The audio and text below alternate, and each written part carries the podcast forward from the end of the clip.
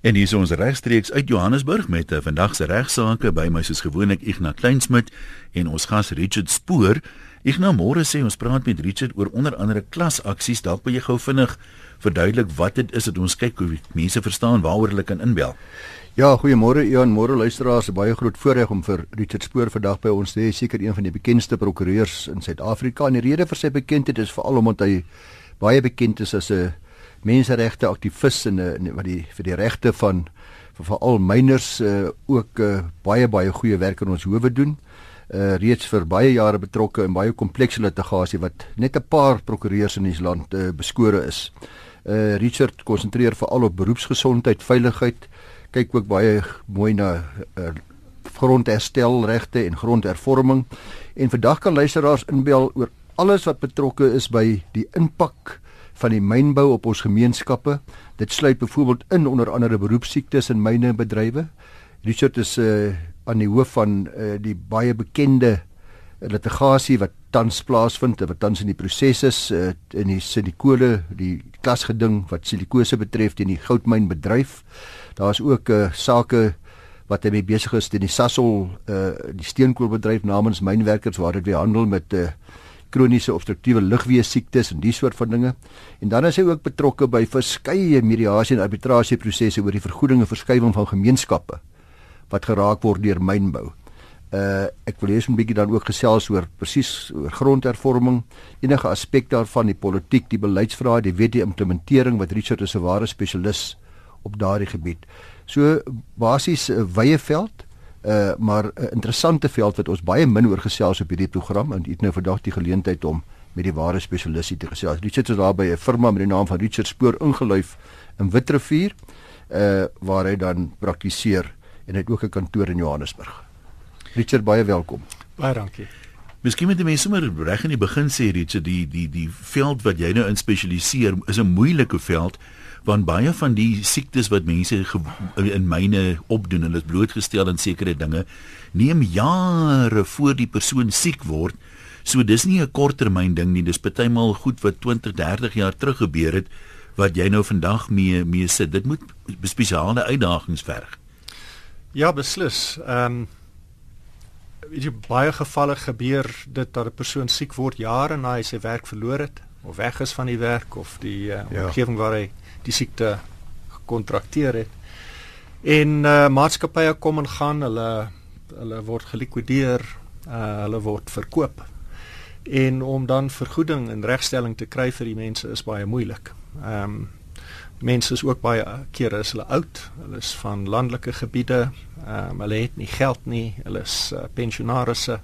So om met die uh, siektes te werk, ehm um, dit, dit dit maak dit moeilik. Ja. Jy praat nou van van geld uh die die die gewone kom ons sê die gemiddelde as mense die term mag gebruik klasaksie waar jy nou namens 'n klomp mynwerkers wat silikose opgedoen het 'n eis instel teen die die myn of die mynmaatskappy.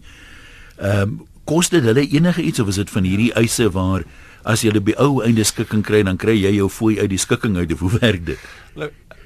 Werkers wat siek en beseer is het nie geld nie. So dis eintlik baie eenvoudig. Daar is nie geld om van hulle te vra nie. So jy moet jou eie maniere vind om hierdie soort van litigasie te befonds. Is belangrik om te weet klasaksie is baie um, beperk. Ons gebruik dit nou vir die silikose omdat dit so geweldig groot is. Maar dit gebeur wel dat beroepsiektes in sulke kolle voorkom, dis soos epidemies so by um, asma by 'n uh, vanadiumfabriek of uh, mangaanvergiftiging by 'n uh, mangaan smeltery. Mm -hmm. En dan uh, bring jy sulke groepsgedinge, so jy kry die ouens bymekaar wat nou almal dieselfde siekte het, dieselfde ontbloting het en dan litigeer jy of of of uh, begin jy met 'n aksie om om uh, vergoeding vir hulle te kry. Ja, Richard, ek sal graag wil hê ons 'n bietjie gesels uh oor iets wat vir jou baie belangrik is en ek dink ook vir ons luisteraars. Dit is die hele kwessie van grondherstelling, grondhervorming, maar veral hierso, dit gaan nie oor grondeise nie, dit gaan nie oor die die probleme wat begunstig is van hierdie projekte teekom nadat daar dan nou hierdie grondherstel plaasgevind het want daar's trustees by betrokke daar's groepe wat nie altyd leiers kan kies nie en daar's verskywing en en dis iets waaroor jy baie baie weet ek uh, passievol is Ja, miskien een van die grootste uh challenges wat wat wat hierdie um, gemeenskappe het is is om goeie bestuur daar te stel. Ja. Dit jy ehm um, 'n auditeur, 'n uh, boekhouer, ehm um, onafhanklike trustees of lede wat kundig is, dit kos alles geld. Dit kos alles moeite. En as as die uh hierdie restitution entiteite nou nie uh, die uh, vermoë of die geld of die kapasiteit het om daai kundigheid in te bring nie, gaan hulle faal. Dis net so seker. So een van die groot redes hoekom baie van hierdie grondhervormingsinisiatiewe faal is is doeteenvoudig um, swak um, interne regering van hierdie entiteite. En ons doen heelwat werk om om dit reg te stel om om die belangrikheid daarvan te benadruk en uh daai kapasiteit te bou en te ontwikkel. Uh die wet en implementering daarvan is daar ook hervorming in die pipeline? Ehm um, ja, daar is hervorming, maar dit spreek nie die probleem aan nie. Ehm um, die ehm um, daar is daar is ernstige probleme met die manier hoe grondhervorming in die land aangevat word en daar is geen aanduidings dat die staat die uh, probleem mooi verstaan nie en dat hulle die regte stappe neem om dit reg te stel. Inteendeel, ons het druk aan 'n populistiese kant wat uh direk ingaan teen uh die rigting wat ons weet ons moet aanneem. Ons moet verskillig um baie stadig en uh, noukeurig beweeg en versigtig beweeg. Mm -hmm. uh, maar daar is hierdie populistiese druk om dinge vinniger en vinniger te laat gebeur uh sonder om die die die die infrastruktuur en die dinge te doen wat nodig is om te sorg dat hierdie projekte sukses behaal en nie faal nie. Ja, dit was dink ek wel mense 'n politieke munt uit die ding slaan, maar by ou en is dit nie in belang van die mense die die begunstigdes nie. Nee, dit ek gee jou 'n voorbeeld. Ek is betrokke by 'n trust, 'n groot trust, ehm um, met 'n jaarlike inkomste van oor die 20 miljoen rand. Dis 'n groot gemeenskapstrust. Maar in die dit was in 2007 gestig. Ek het so betrokke geraak so 2015, 2016. Daar was ten minste 10 miljoen rand per jaar gesteel deur die trustees. Ja. ja, gebruik vir eie win, geen boeke, geen rekords, alles kontraktonttrekkings van die uh die bankrekening van die trust en nog die maatskappye wat nou vennootskappe het met hierdie trust nog die regering het enigiets daaromtrent gedoen. So mense is baie erg benadeel. Hulle word besteel op 'n groot skaal. Ehm um, honderde miljoene per ja, per jaar word deur hierdie korrupte ehm um, disfunksionele entiteite gesteel. Praat jy hierso van professionele trustees of praat jy hier van gemeenskapsleiers wat dan graag almal trusteer want jy weet jy kry gereeld dat die dominee en die skoolhoof en die dit en die dat almal beklei onder mekaar om om trustees te wees. Ehm, daar is 'n probleem met kapasiteit van die plaaslike trustees wat wat wat nou verkies word. Hulle het geen baie van hulle is nie geletterd nie. Ja. Maar dan kry jy wel gevalle waar prokureurs en uh het jy gesiene mense betrokke raak. Maar ongelukkig ehm um, is hulle net so geneig om te steel. En as daar nie ordentlike beheermiddels in pla in plek is nie, dan dan gaan dit lelik uitloop. Daar's weet jy my, uh, my ons professionele kollegas, ja. Hulle blink nie uit nie as as goeie trustees hoor. Hulle um, hulle rekord is maar ook swak. Dit dit klink vir my as as leek asof die oplossing eintlik redelik eenvoudig is. Dis nie of mense nie weet wat om te doen nie. Uh dit gaan maar oor oneerlikheid tot 'n baie groot mate en 'n gebrek aan die wil om op te tree en beheermaatreëls in te stel en toe te pas en uit te voer.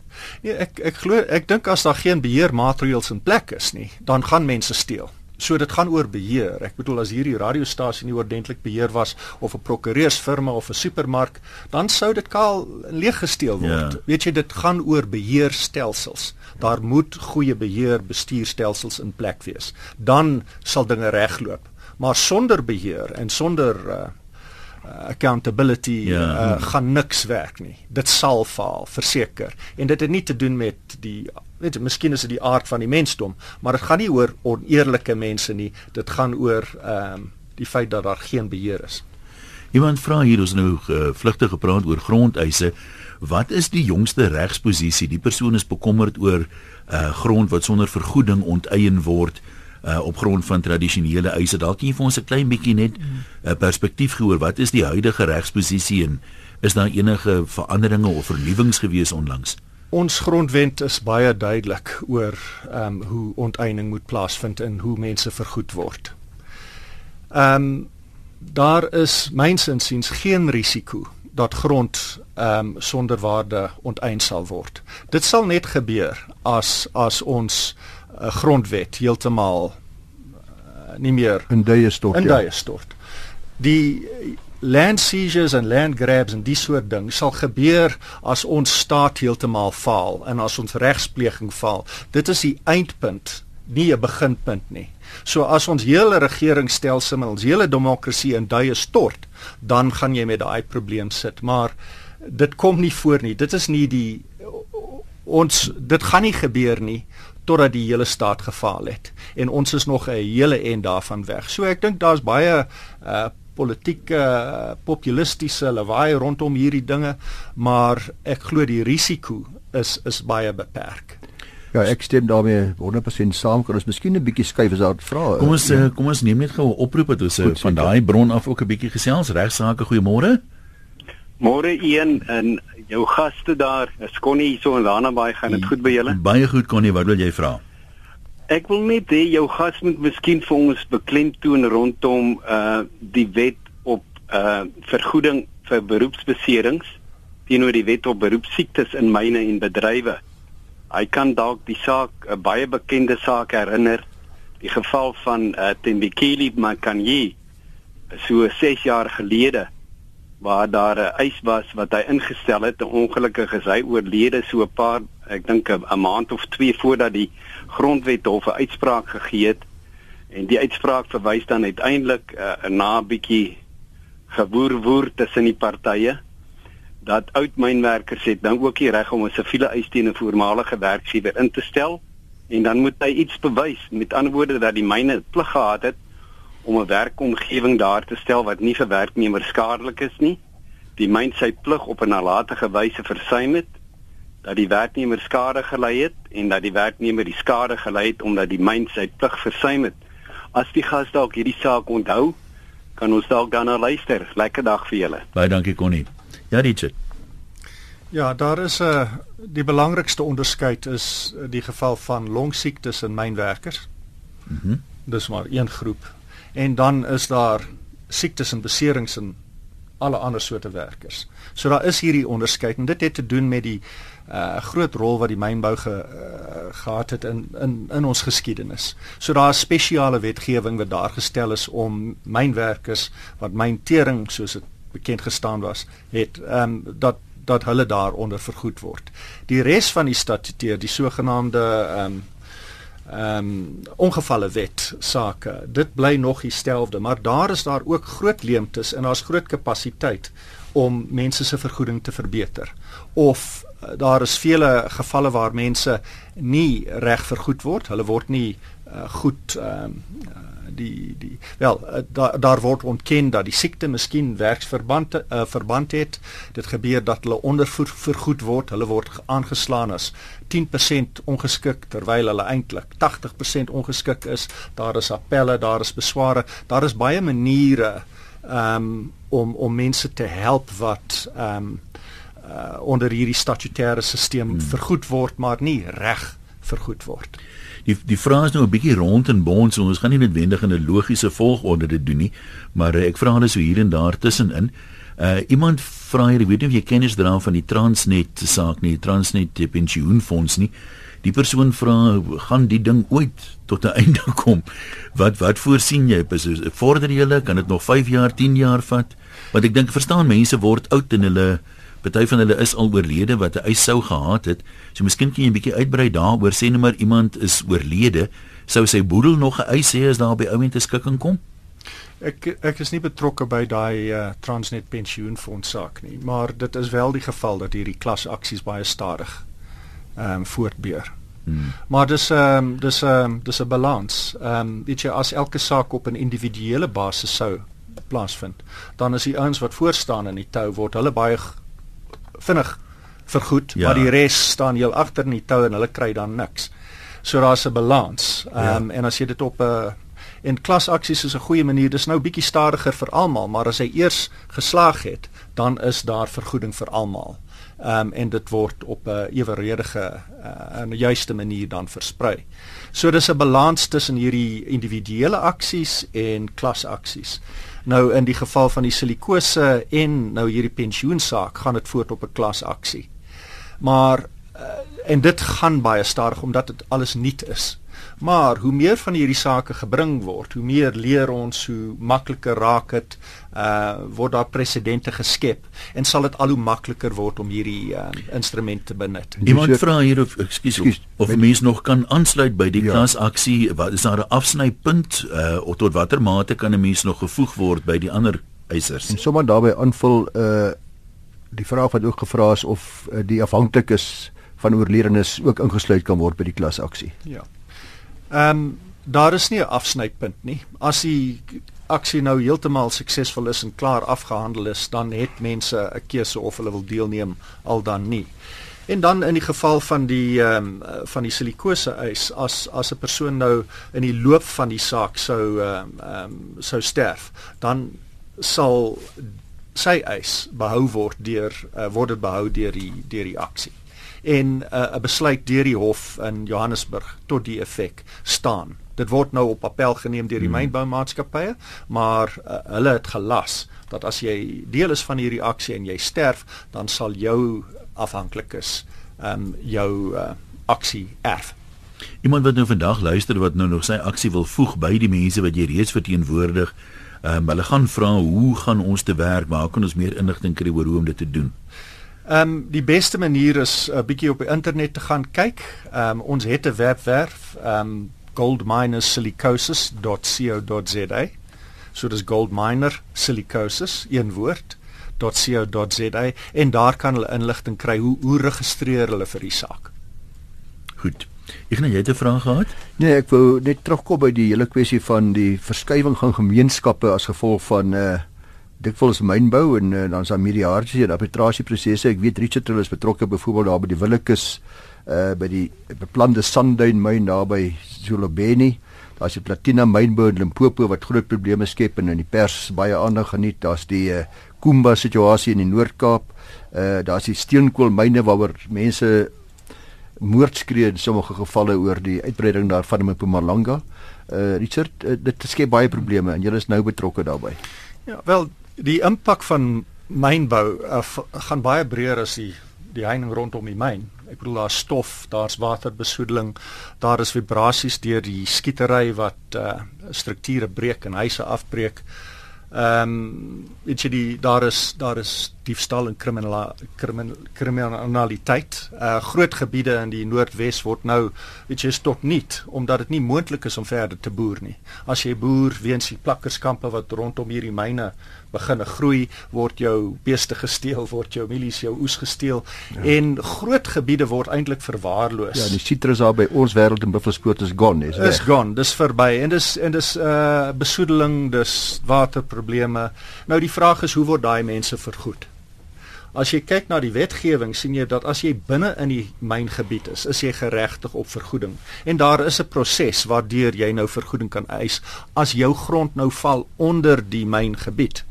Maar in die in die uh, 15 wat jare meer 2004 tot nou dat daai 94 nou 2004 tot nou is daar nie 'n enkele geval waar so 'n vergoedingsproses sy sy tot 'n punt gekom het. Daar is daar is geen presedent, daar is geen litigasie rondom daai proses. Maar nou wat van die mense wat buite bly? Wat van die mense wie se boorde verniel is deur die stof of wie se huise gekraak het en geval het? In die landelike gebiede bou mense met modder en met uh, goedkoop uh, sementbriks. Hmm. Die goed breek.